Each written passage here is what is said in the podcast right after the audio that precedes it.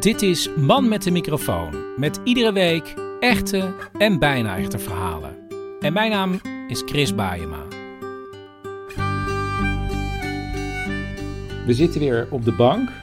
En we hebben net de persconferentie op vrijdagavond bekeken. De ingelaste extra De persconferentie. persco. De pers. Ik dacht deze week, en zeker toen ze die gingen aankondigen. Nou, nou, nou, er gaan hele grote maatregelen aankomen. Amsterdam wordt donkerrood, er kan niks meer. Valt eigenlijk best wel mee. Het ging vooral over ons intrinsieke gevoel van noodzaak. Dat moet weer terugkomen. en eigenlijk wat ik onthouden heb, is dat in de cafés gaat om 12 uur het licht aan. En s'nachts om 1 uur gaat het licht weer uit. Nou moet iedereen echt weg. ja. Ja.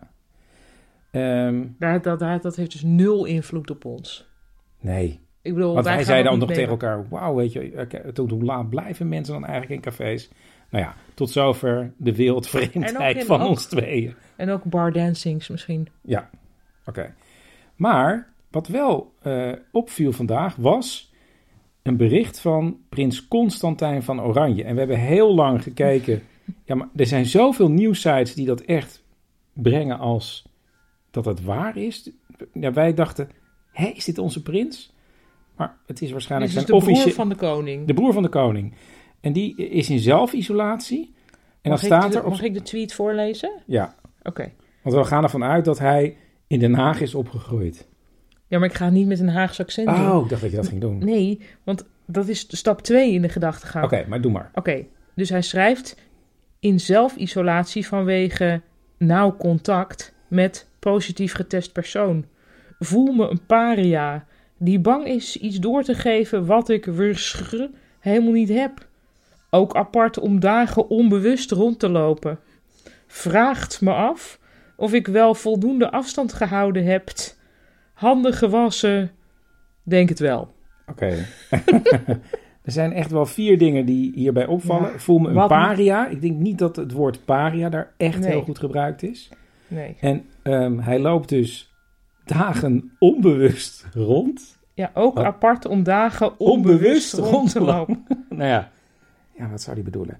Maar dan komt het, want wij hebben er heel lang naar getuurd. En nu denken wij dat hij... Hij opge- schrijft dus vraagt me af. Daar Oh. staat een T te veel. En ook of ik wel voldoende afstand gehouden heb. Hebt. En we denken dat hier een geval is van hypercorrectie. Ja. Hij is opgegroeid in Den Haag. En dat Den ga jij even uitleggen. Nou, in, de, in het Haagse, plat Haags worden vaak de eindt's weggelaten. Dus, eh ah joh, eh, heb je nog haar op je hoofd? Weet je zo? Ehm, ik kan het zelf niet heel goed, maar dus ik denk dat hij bij elk woord dat op een T zou kunnen eindigen, maar niet eindigt, zich afvraagt van zou hier eigenlijk een T moeten staan? Dus vraag me af. Wacht even, is het vraag of is het vraag met een T? Vraag en op Met die een manier T natuurlijk. met een T. Nou, dan voor de zekerheid maar een T. of ik wel voldoende afstand gehouden gehouden heb. heb. Nee joh, hebt. T erbij. Precies. Dus je moet een beetje, deze tweet moet je eigenlijk voor jezelf, als je dit nog even opzoekt, even op Koos Koetsachtige toon voorlezen. En dan, dan wordt veel duidelijk. Oké, nou we moeten ook gaan beginnen met de uitzending.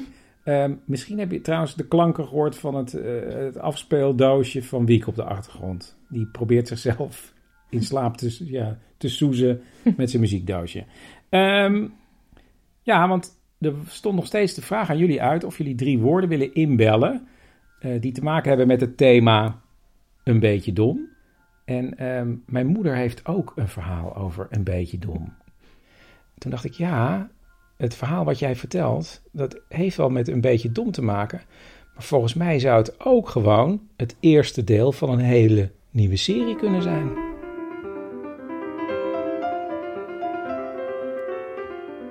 Dit is de misdaadrubriek met de moeder van Chris. Starring de moeder van Chris. Toen dacht ik al, met jou wil ik nooit in het stiltecentrum zitten. Aflevering 1. Geen zuivere koffie. Het verhaal speelt zich af jaren geleden in de gulden tijd, toen mijn moeder vrijwilliger was bij De Aanloop. En mam legt zelf even uit wat de aanloop is. De aanloop, dat is dat eh, ieder die het graag wil en dus een gesprekje wil hebben of gewoon lekker even met mensen om zich heen wil zitten en een kopje koffie kan krijgen. Ja, dat, dat is het eigenlijk. En het is altijd heel gezellig en ik heb me daar heel fijn gevoeld.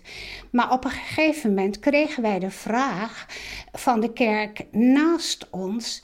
Die wilde een stiltecentrum openen. Dus die wilde de kerk open doen. Waar mensen dus even naar binnen konden komen, kaarsje konden opzetten, aandoen. En uh, dan moest er dus wel bewaking zijn.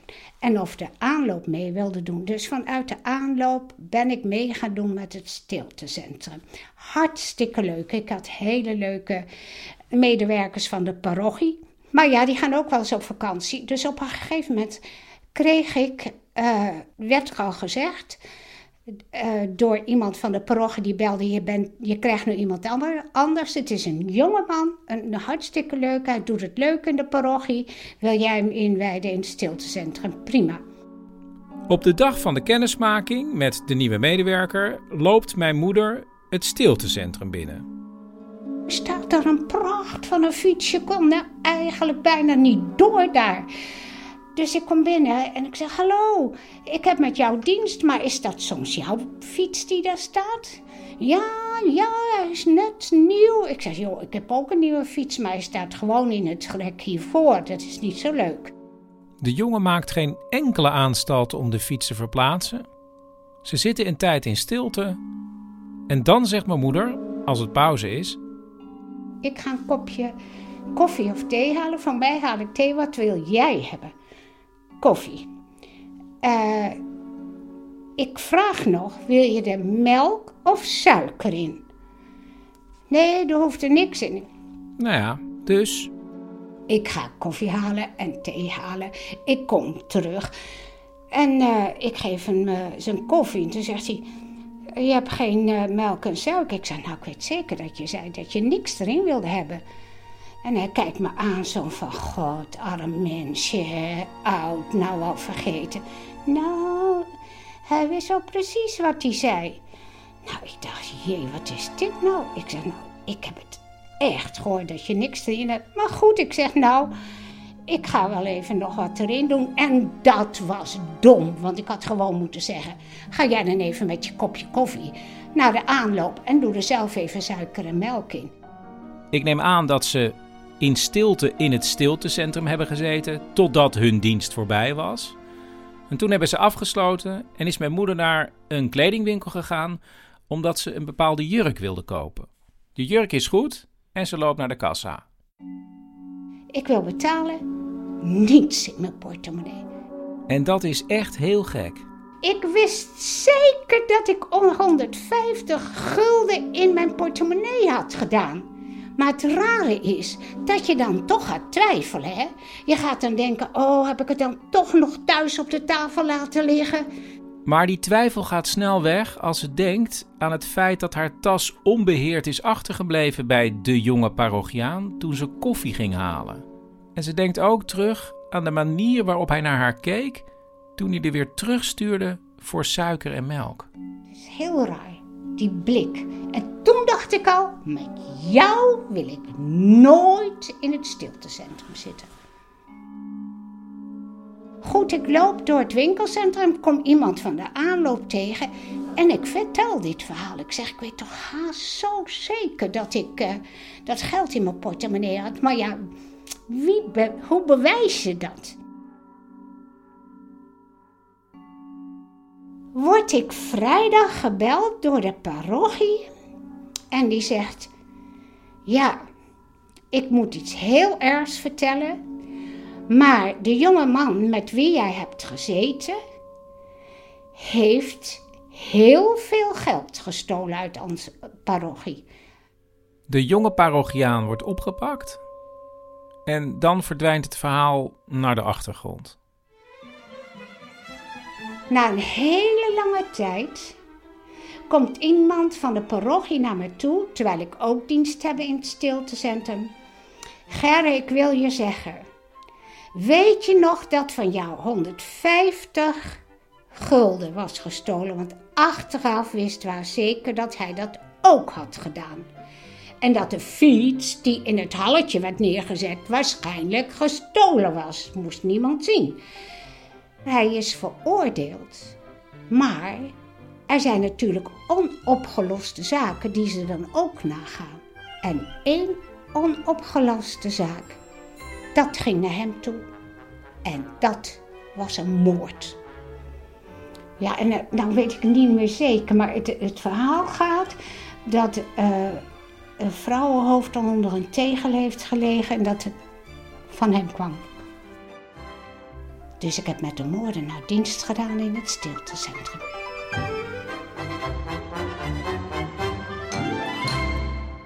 Een tijdje geleden vertelden onze Belgische vrienden Sam en Saskia een verhaal waarvan ik dacht: ja, dat past wel in de reeks een beetje dom. En dus belde ik Saskia om te vragen of zij het verhaal wilde vertellen. Want binnen het, ja, binnen het geheel had zij dan nog ja, eigenlijk de slimste rol te vervullen. Goed, dit is Saskia. Ja, Chris, je weet, Sam houdt heel erg van Duitsland. Uh, en elke zomervakantie, als we over onze bestemmingen nadenken, dan uh, zegt Sam, wat denken jullie van Duitsland? En dan lachen we dat vakkundig weg. Maar een paar jaar geleden trouwt er een vriendin van hun in Duitsland en dan besluiten ze er ook op vakantie te gaan. Een wandeltocht langs de Rijn, de zogenaamde Rijnsteig.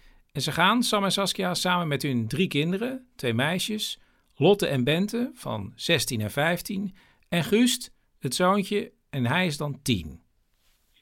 Uh, dus we vertrekken. Uh, we zijn een dag of twee aan het wandelen. We hebben al een aantal dingen achter de rug. Ik had de kleine schoenen. Uh, mijn, mijn, ik strompelde na twee dagen al de Rijnstuig af. gelukkig hebben we nog de dag van het incident nieuwe bergschoenen gekocht voor mij, waardoor ik weer flux kon verder gaan. En het is eigenlijk, we zijn heel dag aan het lopen, heel erg mooi door de natuur. Duitsland blijkt eigenlijk ook gewoon een heel erg mooi land te zijn. Um, en het is namiddag en we komen op het einde van onze bestemming. We hebben twee mogelijkheden. Ofwel gaan we een klein beetje verder stappen en eigenlijk op een half uurtje van ons hotel. Um, en ofwel gaan we eigenlijk weer naar boog en nemen we een omweg, maar dat is dan de originele Randstag. En dan nemen we een grote heuveltop die we over moeten. Ja, goed, ik, uh, ik uh, vond het toch eigenlijk veel beter om gewoon de korte weg naar het hotel te nemen. Maar de rest van mijn gezin zeiden van kom, we gaan, uh, we doen eigenlijk gewoon die, die, die heuvel. Dus ik mopperend en licht strompelend met, met mijn nieuwe bergschoenen achter mijn gezin aan. en we komen halverwege de heuvel en op dat moment is alles nog bebost. En eigenlijk begint het op dat moment, het is echt een warme zomerdag te waaien. En zo een klein beetje regen. Dus ik vraag nog van, van eigenlijk is het toch niet zo'n goed idee. Iedereen is moe. Waarom keren we niet gewoon terug? Het gaat hier beginnen uh, binnen stormen. Dat is toch niet leuk? Dan zijn we boven, we zijn onbeschermd. En ik werd gewoon weggelachen. En dus loopt het hele gezin naar de top van de heuvel we komen dan eigenlijk een beetje later aan op de heuvel. Hè. Hele mooie heuvel, weides. Uh, en begint plots echt stevig te regenen en te waaien. Uh, je hoort de donder naderen en begint uh, stevig te rommelen. Ehm, iedereen wordt er een klein beetje ongerust. En plots, eigenlijk niet ver van ons, in de weide waar wij lopen, slaat het bliksem een eerste keer neer maar op dat moment hebben we echt niks om te schuilen. Dus het is echt letterlijk op de heuveltop. Het is echt een, ja, zeker een kwartier wandelen voor we eigenlijk wel een klein beetje bescherming kunnen zoeken. Dus dan begint er eh, een, een paniekerige discussie. Uh, van wat gaan we doen? We kunnen hier niet schuilen. Wat moeten we doen? En dan Sam, uh, dus een fantastische man, maar heeft een aantal geweldige kwaliteiten qua relativeren. Maar één daarvan is ook, als je er niet bang voor bent, dan bestaat het niet.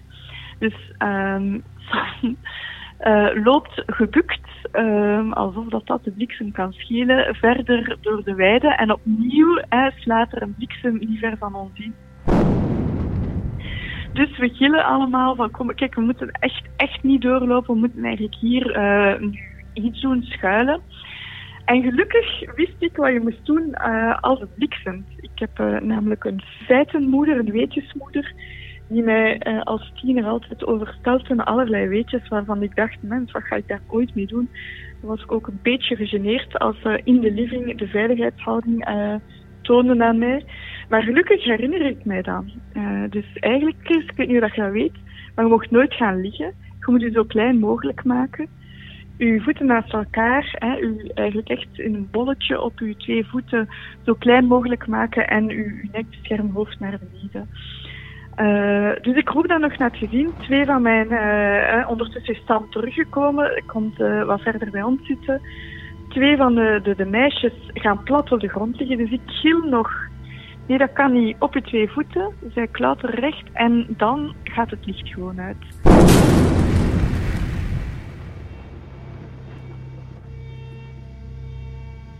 En ja, wij zijn waarschijnlijk even bewustzijn verloren, dus iedereen valt in het gras. Ja, ik word wakker um, en ik kijk en ik zie uh, mijn drie kinderen en mijn man bewegingloos uh, in het gras liggen. En het is geweldig angstaanjagend en het, het, het eerste wat je denkt is, die zijn dood, mijn leven is voorbij.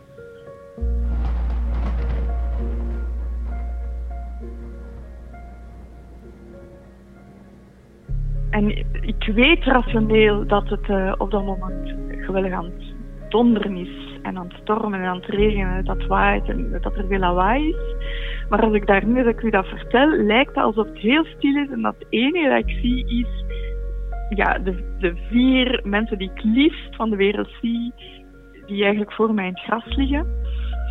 Um, en dan niet lang daarna um, begon Gust heel hard te huilen en die riep mijn voeten zijn verbrand, mijn voeten zijn verbrand. Gust was toen nog uh, uh, een jong jongetje. De meisjes, de twee dochters, begonnen uh, te huilen. Sam krabbelde recht en we konden betroosten elkaar.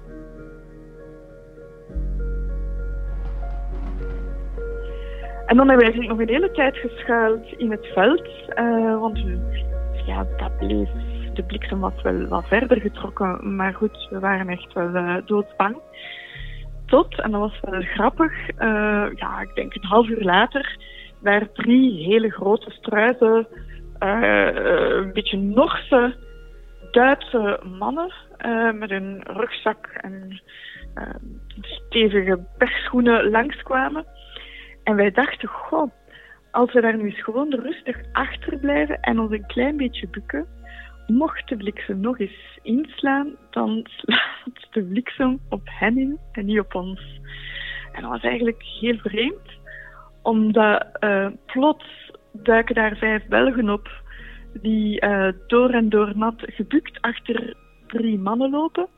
En die drie mannen hebben daar gewoon niks van gezegd. Dus die hebben een hele tijd met vijf doorregende, doodzwange Belgen achter zich gelopen.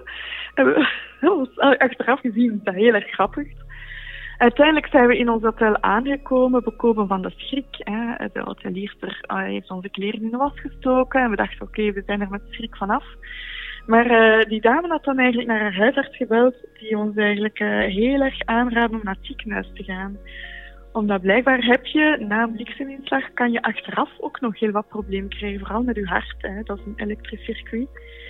Uh, dus dan zijn we eigenlijk met een geweldig stipte trein naar het ziekenhuis in Koblenz gereden.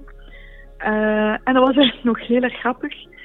Omdat toen we daar aankwamen, werden wij, wij waren eigenlijk al aangekondigd. Uh, want wij werden verwelkomd als die blitzfamilien. en zo zijn we eigenlijk heel de dag onthaald geweest. Um, de kinderen moesten dan naar de kinderafdeling. En dat was heel erg interessant, want toen de dokter binnenkwam, bleek dat een prachtige, mooie, jonge dokter te zijn. Een soort van Arabische prins. Het was gewoon een prachtige dokter. En mijn dochter op dat moment 15 um, lag op de onderzoekstafel en fluistert nog: Mama, wat ben ik blij dat ik een mooie BH heb. dus dat was heel erg grappig. En wat bleek? Uh, Tente met een mooie BH moest dan eigenlijk ook nog uh, een nacht in het ziekenhuis blijven, want haar hart bleek wel degelijk uh, gekke kuren uit te halen. Maar wij blijven nog altijd denken dat dat eigenlijk wellicht ook door de mooidokter kwam. Het is inmiddels een paar jaar geleden, maar hoe kijkt Saskia inmiddels op deze gebeurtenis terug? We kunnen er eh, hartelijk om lachen. Uh, en het heeft ons misschien iets nederig gemaakt ten opzichte van de natuur. Uh, zo, zeker nu ook met, met die COVID-situatie, dan, dan beseft ook wel van ja, er is iets krachtiger bezig en je hebt dat eigenlijk, je hebt alleen je eigen gedrag, maar verder heb je op dit moment niet al te veel daarover te vertellen.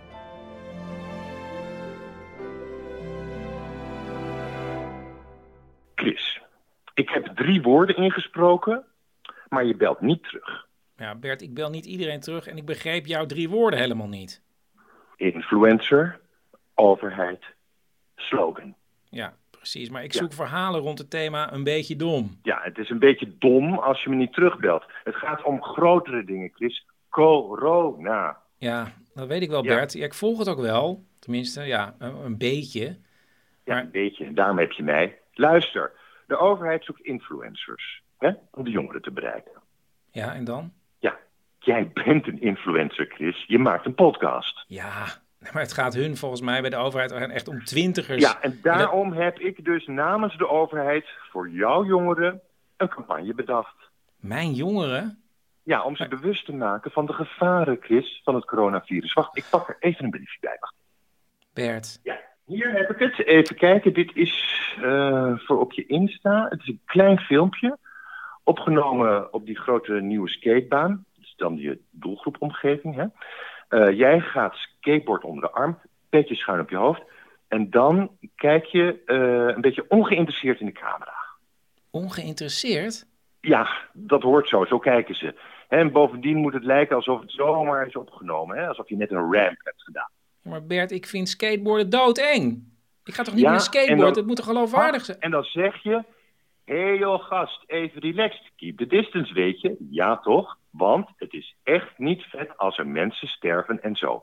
Nou, dan doe je een box en dan stap je op je board en dan rijd je zo het droge zwembad in. Ja, dat lijkt me kansloos. Ja, zo krijgen we het virus dus nooit eronder. Ja, ik bedoel toch iets heel anders, Bert? En dan de payoff, gewoon letters in beeld. Listen, chill the distance. Chill the distance? Wat is dat dan weer voor vaags, Bert? Laat maar.